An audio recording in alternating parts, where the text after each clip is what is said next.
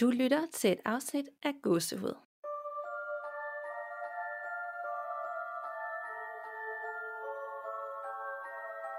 Hej Nana, Hej Danika. og velkommen til et afsnit af Lytterberetninger, som vi egentlig har optaget en gang før. Ja. Men det gik jo åbenbart ikke så godt. Nej. det forsvandt, eller var i hvert fald væk lige pludselig, og det var vi mega trætte af, fordi Ja. vi opdagede det aften inden det skulle udgives, Ja, og stod i den situation, vi pludselig ikke havde noget at udgive for første gang. ja det Nogensinde. er så pinligt. Ja. Øv, og vi aner ikke, hvad der er gået galt. Nej, Altså, det, altså, det kan jo sagtens være, at der er sket et eller andet øh, menneskeligt Ja. fejl, ja. men jeg vil hellere skyde skylden på øh, en ånd, eller ja.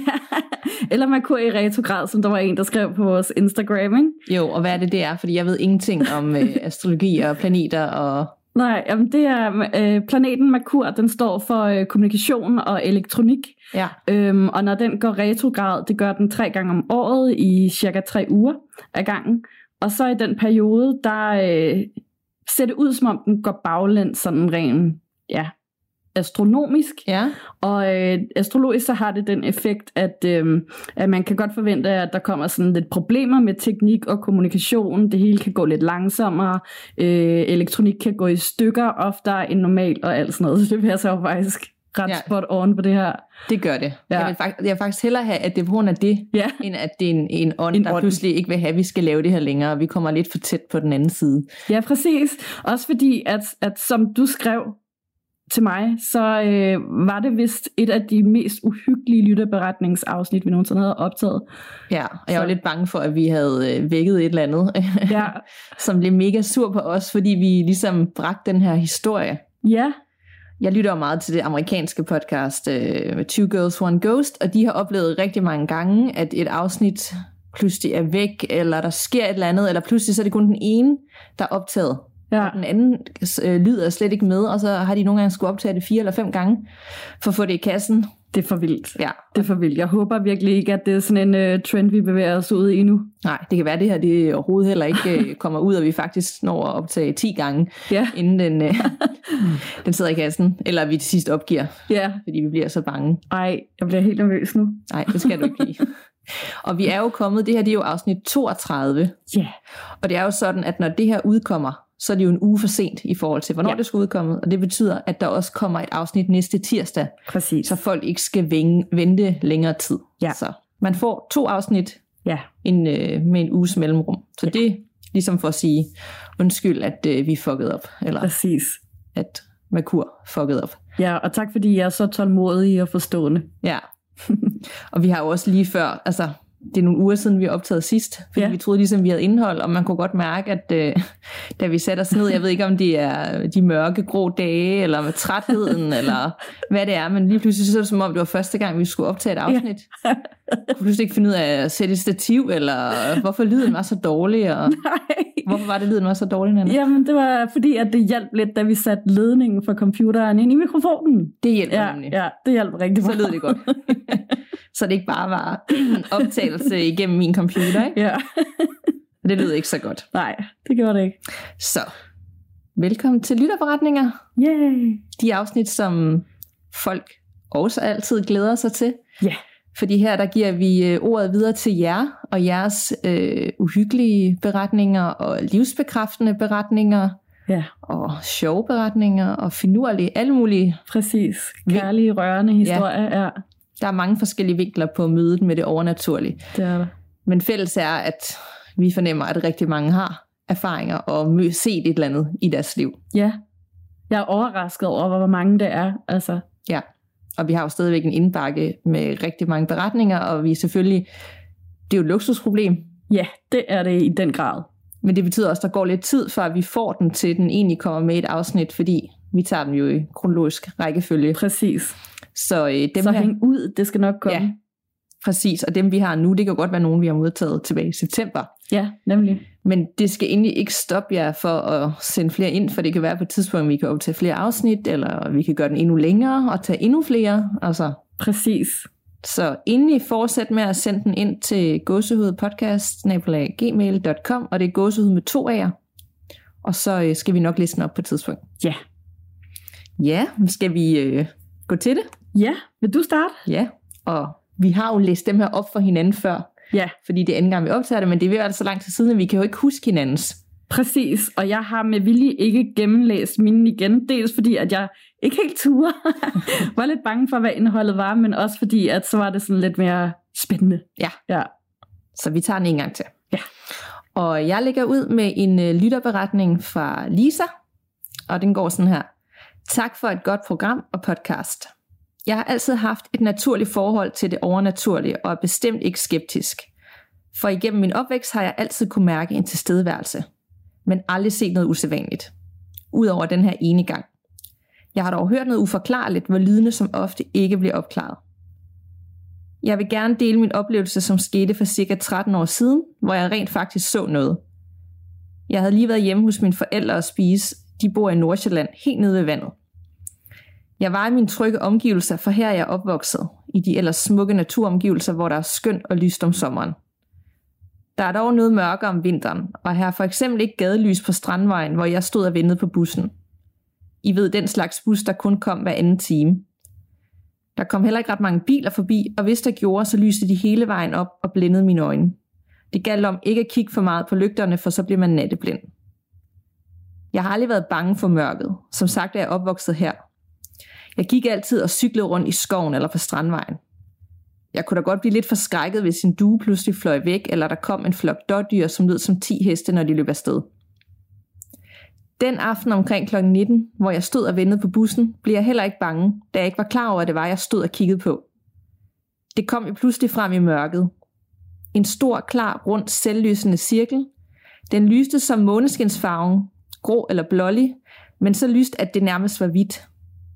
Det var vel på størrelse med en stor trampolin, blot at det stod lodret op, halvanden til to meter foran mig, på tykkelse med et lastbildæk.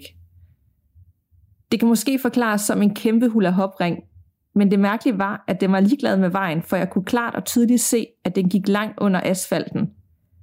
Da jeg prøvede at gå hen imod den, så flyttede den sig længere væk.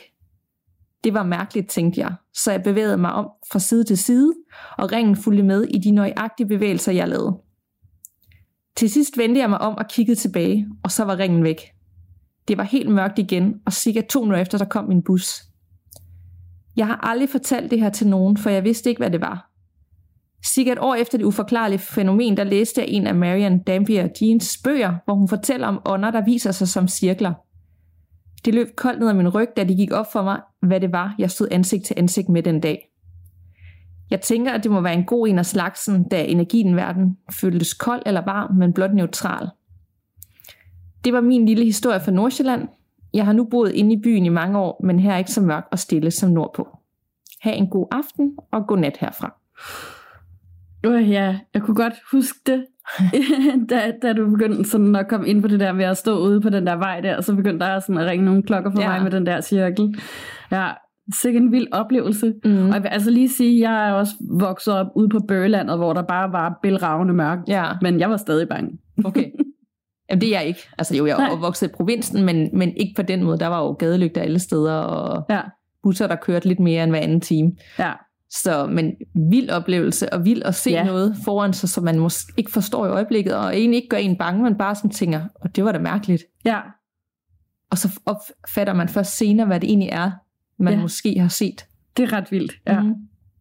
Og vild, at ånder kan tage form af, af andre ting, end at bare ligne sig selv. Ja, men det, altså, jeg kan huske for, for nogle år siden også, hvor at jeg sådan røg ind i sådan en YouTube-ting med bare at søge på videoer af ånder og sådan noget, paranormal activity noget. Der, øhm, der var det også bare sådan en kæmpe stor ting, det der med orbs, flyvende sådan Ja. lyspletter, der ja, svæver Ja, det rundt. er da rigtigt. Ja. Det er sådan lidt det også. Og det kunne jo også bare, altså bare være energien fra noget, der man ikke kan se, man ikke behøver at være en eller anden afdød mormor. Ja, Altså lidt ligesom øh, vi havde en øh, tidligere lytterberetning med hende, der gik igennem øh, skoven på Frederiksberg eller Vesterbro. Kan du huske den? Hvor de kiggede Ja. op og så en masse lyspletter på Ja. himlen, selvom Ja, der ja. var helt mørkt. ja. Jeg kan ikke huske, hun gik alene, eller hun gik med en veninde. Hun gik vist nok med en veninde, ja. ja. Hvor de sådan lidt, der var en masse af dem.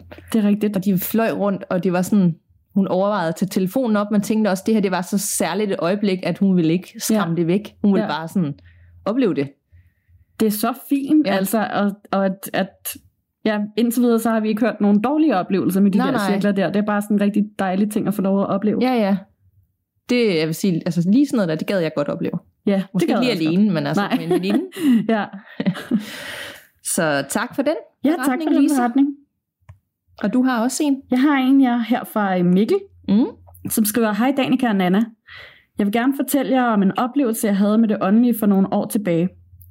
Jeg har oplevet et par ting, som jeg meget gerne vil fortælle jer, men de er meget detaljerede, så hvis I har lyst til at høre mere end den ene oplevelse, så må I endelig sige til. Det vil vi gerne. Ja. Yeah. det er torsdag aften, og jeg er hjemme hos min veninde, hvor jeg skal overnatte, da jeg vil hjælpe hende med at gøre klar til en havefest, vi skulle holde om fredagen. Vi er begge meget trætte efter en lang aften med forberedelse af drinkskort, borddækning og alt, hvad man nu skal have klar til en fest, så vi beslutter os for at gå i seng omkring midnat. Jeg husker det hele, som var det i går. Og det her var altså i sommeren 2014. Min veninde har en hems til sin seng i sit værelse, og jeg skulle sove på en sovesofa nedenunder. Jeg lægger hovedet på puden og falder meget hurtigt i søvn. Jeg føler, at jeg har sovet i omkring 30 sekunder, da jeg pludselig vågner op. Jeg føler, at jeg svinger ud af sengen og ikke rigtig har kontrol over, hvor jeg vil hen. Det eneste, jeg kan, er at åbne døren ind til stuen.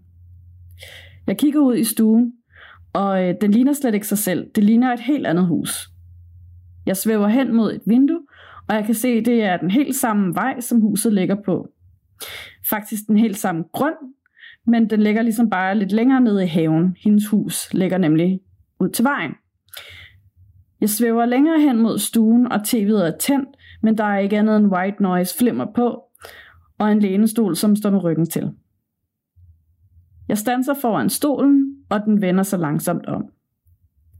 Der sidder en pige med helt hvide øjne og stiger på mig.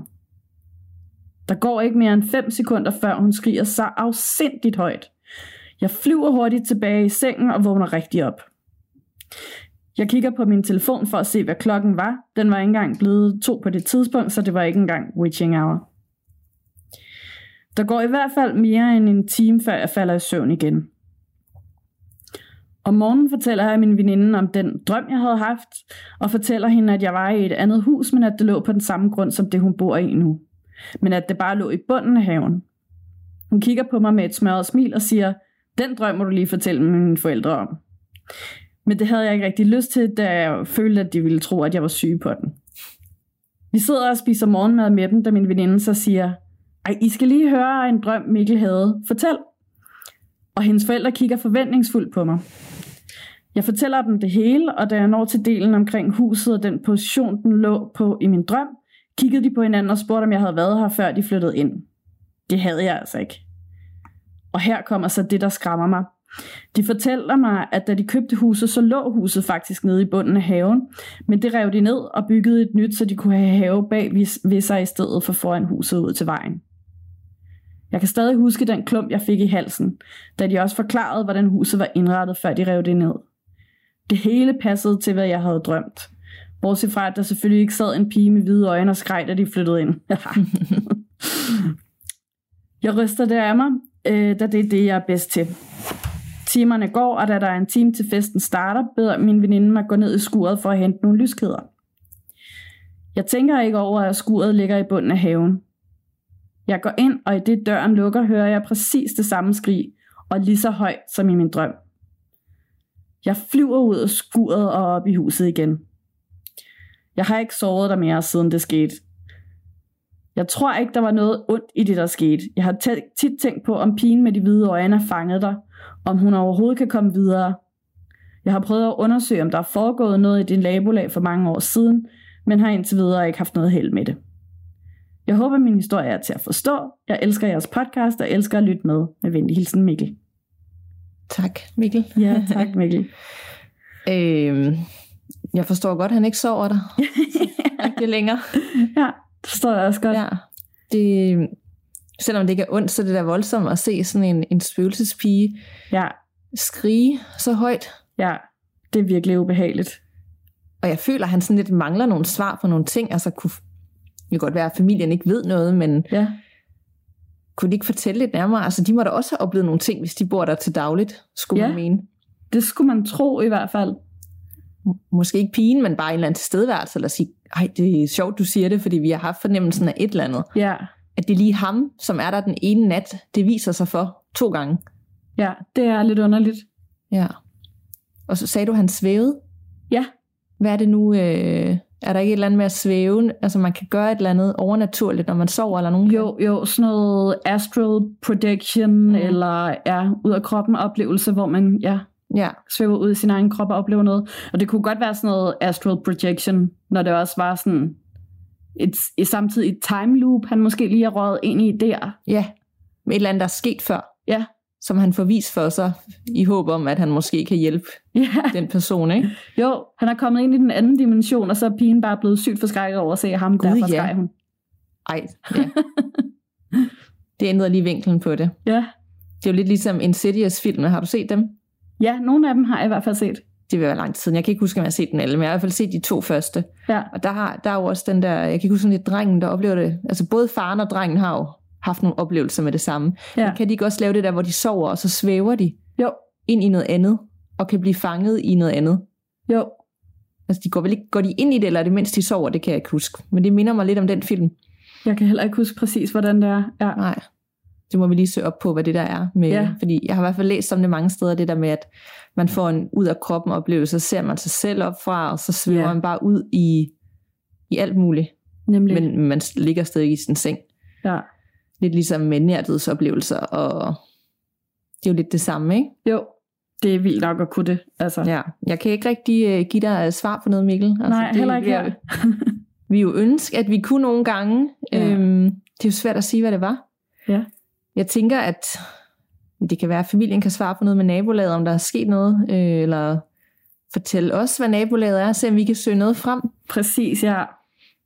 Det kunne også være interessant lige at høre, om, om de selv havde oplevet noget, siden du havde din oplevelse Ja, i huset. helt klart. Ja.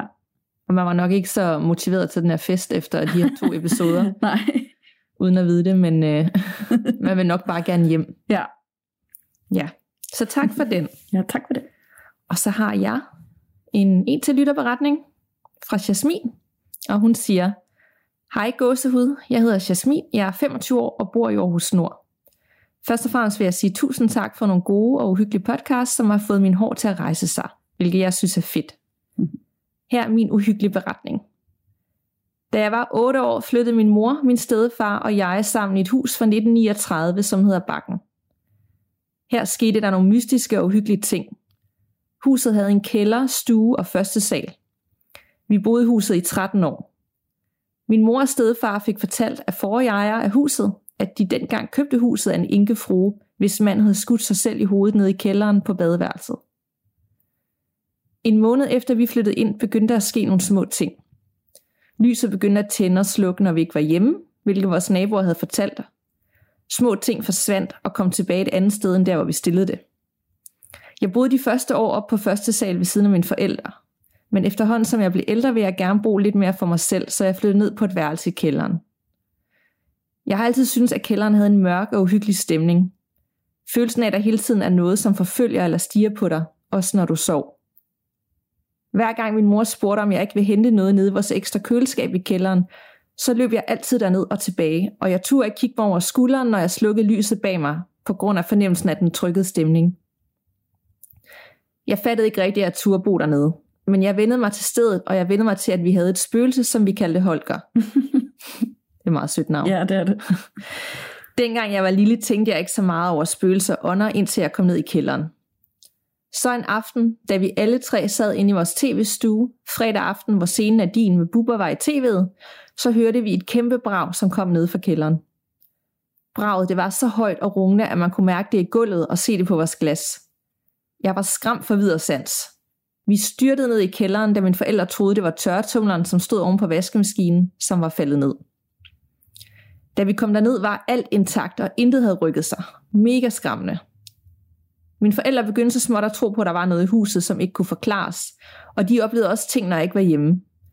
For eksempel, at den ene dyne var trukket ned på gulvet, når de kom hjem, og nogle gange tre banken på vores hoveddør og andre foruroligende ting. Efterfølgende nede på mit værelse oplevede jeg sent om aftenen, efter mine forældre var gået i seng, at høre fodtrin ovenpå i stuen og køkkenet. Jeg har set skygger og hørt døre åbne andre steder i huset og mange andre ting.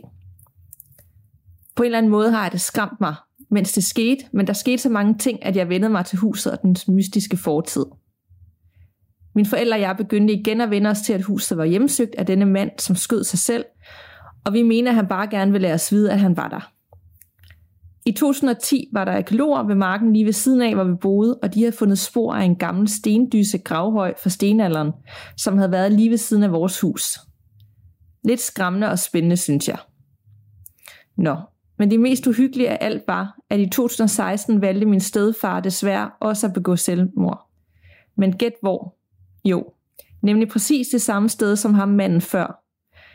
Jeg er sikker på, at der har været en eller anden form for forbandelse eller dårlig energi i huset, i det rum eller hus. Hvad tror I? Jeg håber, I vil læse min beretning om, og jeg håber for at høre fra jer. Kærlig hilsen, Jasmin. Oh, Og det var den fortælling, ja, jeg tænkte på med det samme, da alt det her med afsnittet, det ja. forsvandt, og ikke at jeg tror, det har nogen relation, men det var bare den, der sådan stod ud for mig, da vi læste op første gang, fordi ja, den er ja. så barsk, altså. virkelig barsk og bare skræmmende, og ja. Og jeg håber selvfølgelig ikke, at det har nogen relation, fordi Nej, at det er rent tilfælde, ikke? det, det håber jeg virkelig også. Øhm, og det tænker jeg også, det er. Men jeg kan godt forstå, at man, når man har boet i det hus, vi kan Ja. jo ikke sætte os ind i, hvordan det har været at bo i det hus i 13 år. Nej, det må, ja, altså, ja, når man ikke er tryg mod det, så må det virkelig være energikrævende Ja. og stressende. Og jeg forstår godt, at hun sætter sådan en lighedstegn mellem, Ja. med, at den første mand begår selvmord der, og så flytter de ind, og alt er godt, og så lige pludselig så begår han selvmord Ja, samme sted som den mand. ja. At det, det er mærkeligt, forfærdeligt. Ja, det er, at det lige skal være samme sted, ikke? jo, Men øh, jeg vælger at tænke, at øh, det er et øh, tragisk tilfælde. ja. Men 13 år, 13 år i sådan et hus. Uha, det kunne jeg ikke. Nej.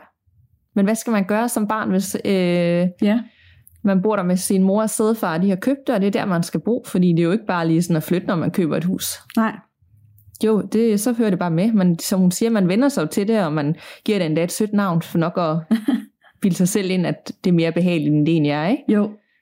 Ja, Altså, det er jo det- det, man er jo fanget i den situation. Ja. Ja, Og vildt, at, øh, at du flytter ned i kælderen. Altså jeg kan godt forstå, Ja. at man har lyst, og man vil have noget privatliv, og man er, man er ung, og, men vildt, at man bare ja, lever under de omstændigheder hver dag med tanken på, at, at der er sket noget dernede, ikke? og at der er jo en Det er ånd i vildt. huset, som de alle sammen mærker til og har accepteret af dig. præcis. Og kælder kan godt være uhyggelige nok i forvejen, ikke? Ja. Altså, ja. Har du haft kælder i dit hus? Nej, aldrig. Nej. Nej. Vi har altid haft sådan nogle loftsrum i de huse, jeg har Mm. boet i, og det har jeg også været bange for. Ja. ja. Ej, og kan vide, om det har en relation til alt det der med, de fandt øh, gravhøjen siden af, og ja. der, sådan noget er der rundt i hele landet. Og det, er ja, jo, der er det jo. det er jo en gravsplads. Ja, Lidt ligesom øh, det hjemsøgte diskotek, øh, ja vi havde op og vende. Ja, det var jo også en tidligere gravsplads, hvor der blev fundet massevis af skeletter, Præcis, ja. som de mente havde en relation til de ting, der, Ja. der skete på det her diskotek. Det kan jo godt være, at det ikke kun er ham, som har begået selvmord i huset, eller han slet ikke er der. Det ved man jo ikke, at det faktisk det er noget helt andet. det er noget helt andet, ja. Så jeg, jeg, jeg ved næsten ikke, øh, vi kan jo ikke give svar på noget, og det. Nej. tror jeg heller ikke, mens du selv får. Men jeg kan godt forstå, at man søger det, fordi man har været ude for sådan nogle voldsomme ting. Det kan jeg virkelig også godt. Noget Øhm, mening med det hele. Ja. Jeg tror ikke altid, at der er mening. Altså med selvmord, Nej. det er jo den person, der vælger at tage sit eget liv, er jo så skrøbeligt et sted, at det giver ikke mening. Nej, det er så forfærdeligt. Ja. Ja. De ser bare ikke nogen anden udvej. Nej. Så den er, den er lidt øh, voldsom. Det kan være, at vi lige skal skrive show notes, inden jeg læser det, at øh, der kommer en, hvis nu man har haft det inde på, øh, På livet ja, ja. at øh, man sådan ligesom ved, at der kommer noget, så man kan skippe den del, hvis Ja. det kan trigge et eller andet, ikke? Det er en god idé. Ja. Nå. Skal vi gå videre til nummer 4? Ja, jeg har også en her mere fra øh, Tanja, som skriver, hej gåsehud. Jeg er altid blevet drillet lidt med, at jeg sov inde hos min mor i mange år. Vi har boet rigtig mange steder i løbet af min barndom, på nedlagte landbrugsejendomme, ældre huse og på gårde. Jeg har oplevet nogle ting af flere omgange, og de kommer her. Jeg har altid haft hund, og jeg har af mange, mange omgange prøvet, at hunden har stået og gødet fuldstændig sindssygt ind i et hjørne. Primært, når jeg har været alene hjemme.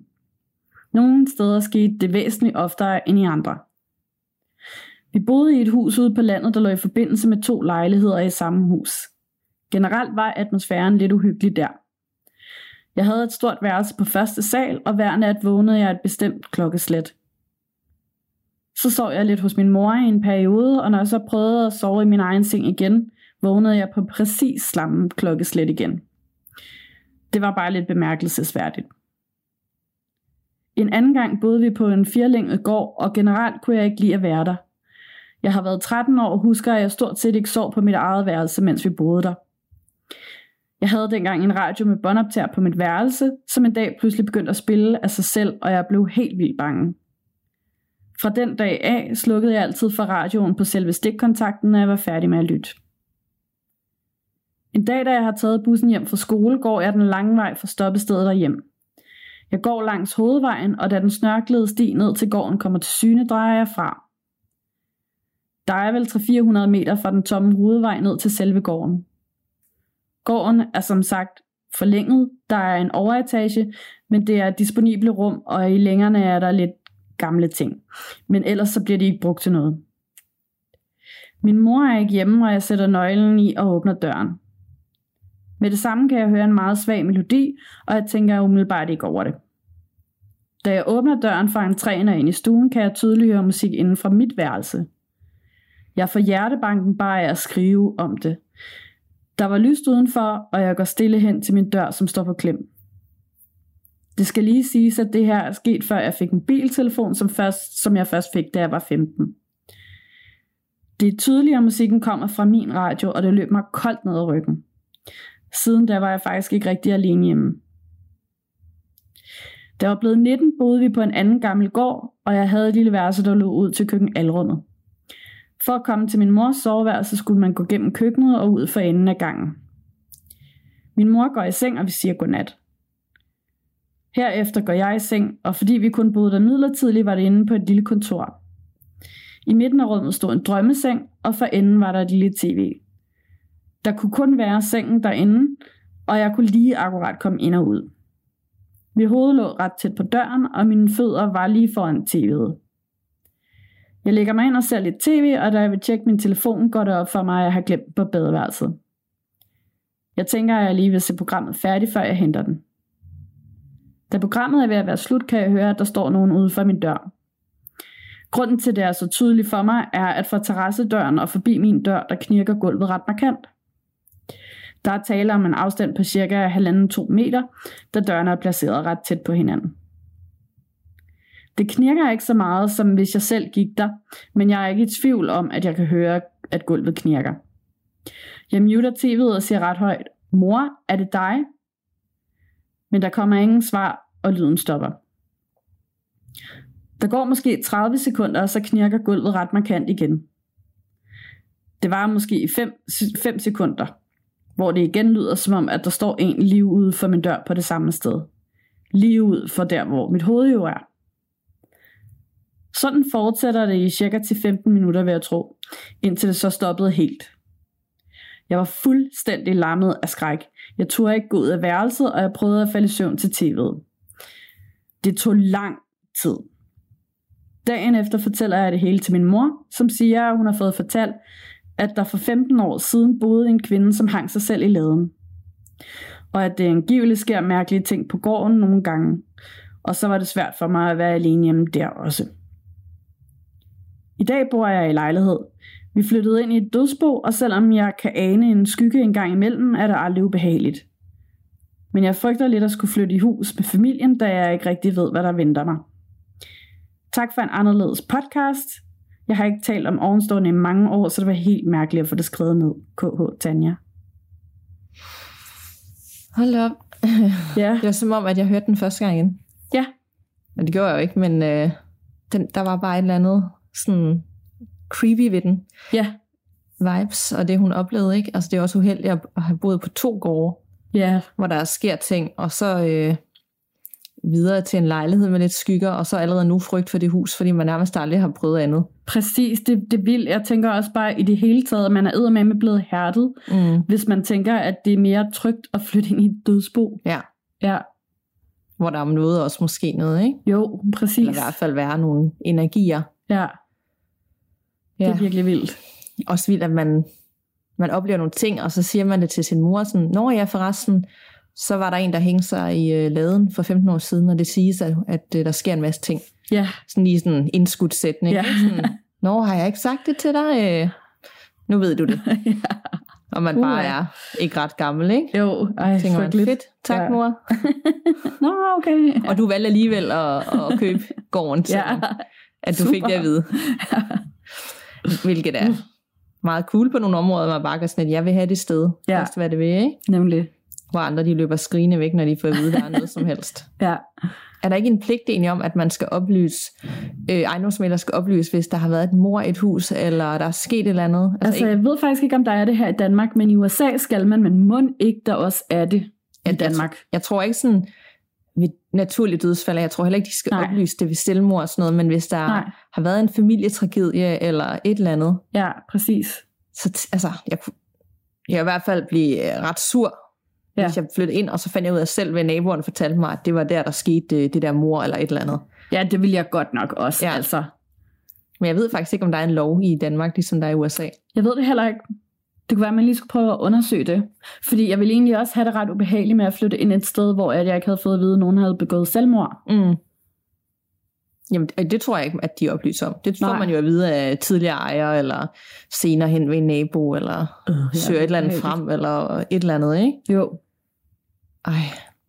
I USA, der bruger de jo også det som et salgstrik nogle gange, at skrive, at et sted er hjemsøgt. Ja. Fordi der er så mange, der er fascineret af det, og gerne vil bo i et hjemsøgt sted, så præcis. Jamen, det er jo så, altså, ligesom Peter Lodin huset der, det, altså, det er ikke nogen problemer med at få det solgt. er det Det er rigtigt? for sindssygt, ja, at der er folk, der bare tænker, at det er der folk, der bor i det nu? Det ved jeg ikke noget om. Det, det, det mener jeg, ja. Nej, Det er for sindssygt, ja. det er langt ude. Det, Det er jeg ikke. Altså, ej, det, det synes jeg bare er klamt. Ja, det er rigtig, rigtig klamt. Og, de, og, de, og du tror, de har vidst det inden? Okay, det har selvfølgelig det, været med. Ja, ja, det, fordi at man har jo set det der hus i medierne og sådan noget, de har udmærket godt været klar over, hvad det var for et hus. Ej, Ja, det er virkelig vildt. ja. Nå. Ja, ja, godt, du oplever ikke noget her. Jeg oplever ikke noget Nej, som sådan. Gudskelov. Ja. Nå. Jeg har en sidste lille beretning fra en anonym. Hej så, jeg er lige begyndt på jeres podcast her til aften. Jeg er ved afsnit 6. Mega fed podcast. Og så hun, hun eller han, jo ikke ret langt, hvis man er ved afsnit 6. Nej. Så der er en masse at se frem til. Jeg hørte hurtigt, at en anden lytter havde sendt en historie om, at der var en, der kravlede over ham i sengen. Ja, jeg har selv oplevet en kravle over mig, så den får I lige her. Jeg var gået i seng en aften, og jeg sover altid på siden. Jeg mærker pludselig noget presse mig ned i sengen, nede ved mine fødder. Du ved, følelsen af, at nogen er ved at kravle op i sengen. Jeg mærker, at det kommer længere og længere op af sengen, og jeg begynder at få sådan trykken for brystet, og jeg vågner. Jeg kan dog ikke åbne mine øjne, men jeg kan godt se, og jeg ser så en holde mig nede i sengen ved at presse mig på brystkassen. Jeg kan mærke, hvordan jeg bliver presset ned i sengen. Jeg kan ikke bevæge mig eller lukke øjnene. Det sidste, jeg husker, er, at jeg pludselig kan bevæge mig igen og putter mig ind til min kæreste, efter at være blevet skræmt. Det er ikke andet end få måneder siden. Vi har boet i huset i halvandet år, og det hele startede egentlig med, at vi så en, gå- en gå fra den ene ende af stuen til den anden. Så begyndte jeg at få nogle krasmærker ud af det blå, dog kun en enkelt aften, og det var faktisk den nat med tingene over mig. Og så var der lampen, der gyngede inde på kontoret, og en, der kravlede forbi mig på mit kontor. Det skal lige sige- siges, at jeg har et stort kontor. Men der var intet, når jeg kiggede bag skrivebordet, som var der, hvor en kravlede forbi. Ej, jeg får de vildeste kuldegysninger lige i øjeblikket. Ja. Jeg har siden jeg var lille oplevet at se folk enten i det hus, vi boede i, eller da jeg flyttede hjemmefra. Jeg havde blandt andet en mand, der altid holdt øje med mig i min lejlighed, hvor min kæreste en aften så en skikkelse smutte på badeværelset. Han tænkte, det var underligt, at jeg ikke sagde hej, da jeg kom hjem, og han gik så derud og kiggede, men der var ikke nogen. Og så var der den gang, min søster skulle passe mig og min anden søster. Vi så Karate Kid, som var den helt gamle af slagsen, og pludselig så går strømmen, og en blomsterkrukke falder ned, og kort tid efter kom strømmen igen. Jeg oplevede også som lille, at vi sov på sofaen, min ene storsøster og jeg. Jeg vågner om natten og ser en sort mand gå forbi mig. Jeg gemmer mig under dynen, men af ren nysgerrighed så kiggede jeg igen, og han var hen med min søster. Han bukkede sig ind over hende, og jeg gemte mig igen. Nogle dage senere ligger vi i vores køjeseng. Jeg vågner igen uden nogen grund og ser en mand gå ind til værelset ved siden af, som var min mor og stedfars værelse. Da vi stod op om morgenen, fortalte min mor, at hun vågnede ved, at en mand stod ned for enden af sengen og kiggede på hende. Så det var mange, mange forskellige oplevelser. Ja, og mange sindssygt ubehagelige oplevelser. Shit, mand. Igen tror jeg sådan lidt, øh, fordi det lyder som om, at der er sket så meget, at du ved, så vender man sig til det. Ja. Så det er ikke sådan én ting, der har skræmt en for liv og sans. Det er en masse forskellige ting. Og den der med at ja. kravle, det er da noget af det mest uhyggelige. Nej, det er virkelig, altså det er jo sådan virkelig uh, japansk gyserfilm, The Grudge-agtigt, ikke? Ej. Øh. Så sidder man bare på sit kontor. Ej, det er altså... Og så kigger man lige ud af øjenkrogen, så kommer der bare sådan en, jeg forestiller mig, at det nærmest er sådan en totalt hurtig kravl. Altså det er ikke bare sådan en, der kravler, det er sådan speedet op. Ja. Og sådan laver sådan nogle lyde, du ved. Ja. Ej, det lyder altid i gyserfilm på en måde, når de går eller kravler. Ikke? Sådan, Præcis, man kan høre alle led, noget, ja. der sådan bevæger sig. Sådan, ja. Ej, jeg tror nok, jeg var smut hjem der. Ses. Jeg kan godt lide, og så går hun lige hen og kigger rundt om ja. skrivebordet. Sådan, Nå, der var ikke nogen alligevel, selvom jeg lige så en kravle. Nå, nå. Ja. Ej, det er altså vildt. I er så hardcore derude i alle de ting, jeg oplever. Ja. I hvert fald mere hardcore end os. Ja, for pokker. Og så tror jeg, hun har fået haft det klassiske tilfælde af søvnparalyse. Ja, det lyder virkelig sådan helt klassisk. Ja, og det går altid igen tit med den her trykken eller se ja. nogen, men især også, der er mange, der oplever, at der sidder nogen oven på en og ja. enten sådan prøver at kvæle en, eller trykker en for brystet, så det føles som om, man ikke kan få luft. Præcis. Så det er jo nok Maren. Ja, ja. der har været på spil igen. Ja, hun er alle vejen. Ja. Når man mindst venter det, ja. så kommer hun om natten. Uh, ja. ja. Det er faktisk ret interessant. Jeg har ikke haft den eneste søvnparalyse eller noget, siden øh, jeg startede på det her, egentlig. Nå. Ja, jeg havde, jeg havde lidt forventet faktisk, at jeg ville få en hel masse. Ikke ja, ja. andet end de der med kraftens bekæmpelse og det brænder. Det er de ja, ja. sådan en til to ting, der har været. Det er da godt. Det ja. gør, det hjælper at tale om det, at være bevidst om, og man fortæller sig selv, at der er en videnskabelig forklaring bag, og så ja. kan det være, at dem, der besøger en om natten, tænker, så er det ikke det værd, fordi hun tror alligevel ikke længere på det. ja, præcis. Så nu går vi hen til nogle andre. Ja. så det kunne være. Ja, det håber vi. Nå, men lad os lige krydse fingre for, at det her afsnit det kommer ud på tirsdag. Ja, Altså, det kunne være ret fedt, og at det ikke kun er os, der skal sidde med de her beretninger. Vi kan ligesom høre fra andre, om de ikke også synes, det Jamen, det er det. Altså, er jeg tænker, det er lige før, at hvis, hvis, det her, hvis der sker et eller andet med det her, så vil vi prøve at lave en video, eller det ved jeg ikke. Sådan film, mens vi optager, for ligesom dokument sådan noget live. Ja, ja. Vi var her faktisk. Ja, ja. Film ned på computeren, den er sat til, mikrofonen er til, alt det der. og ellers så må vi bare skrive til dem, der sender ind, der er et eller andet her, der ikke vil have, at vi fortæller jeres historier, så... Ja, vi ved ikke, hvad for en af dem det er. Nej, men det kan åbenbart ikke lade sig gøre. Nej. Men nu tror vi på det. Ja, ikke? Den gang vi det. og smut ind i, ind i vores øh, private Facebook-gruppe. Ja. Den hedder også bare Godset Podcast. Vi er 1800 mennesker derinde nu. Det er så og vildt. der bliver næsten dagligt delt uhyggelige videoer og tips til bøger, man skal læse og film, man skal se. Og yeah. Forleden dag var der øh, en, der oplevede noget i sit hus, der søgte en, en klaviant eller en, der kom ud af renshuset i Sønderjylland. Ja. Og sådan noget kan man også bruge til, og så kom der faktisk enormt mange, ja, det der vidste noget om det. Det altså, var super fedt. Sådan, hvad med ham der, eller hvad med hende der? Har du prøvet den her Facebook-gruppe, hvor man kan søge efter det? Altså, Ja. man kan også bruge det sådan helt praktisk til at få hjælp, hvis man står i en situation, hvor at man oplever ånder i sit hus eller lejlighed, eller et eller andet Ja, uforklarligt. nemlig. Så endelig, hvis jeg har nogle spørgsmål, så skriv også bare til os. Enten ja. derinde, eller ja. På Instagram, hvor vi også er med Godset podcast. Jeps. Og så tror jeg, vi kom hele vejen rundt, gjorde vi ikke? Jo, Og det fik tror jeg også. det hele. Ja. Så tak for snakken, Anna. Ja, i lige måde. Og vi lyttes ved. Pas på derude. Man ved jo aldrig, hvad der venter bag den næste dør.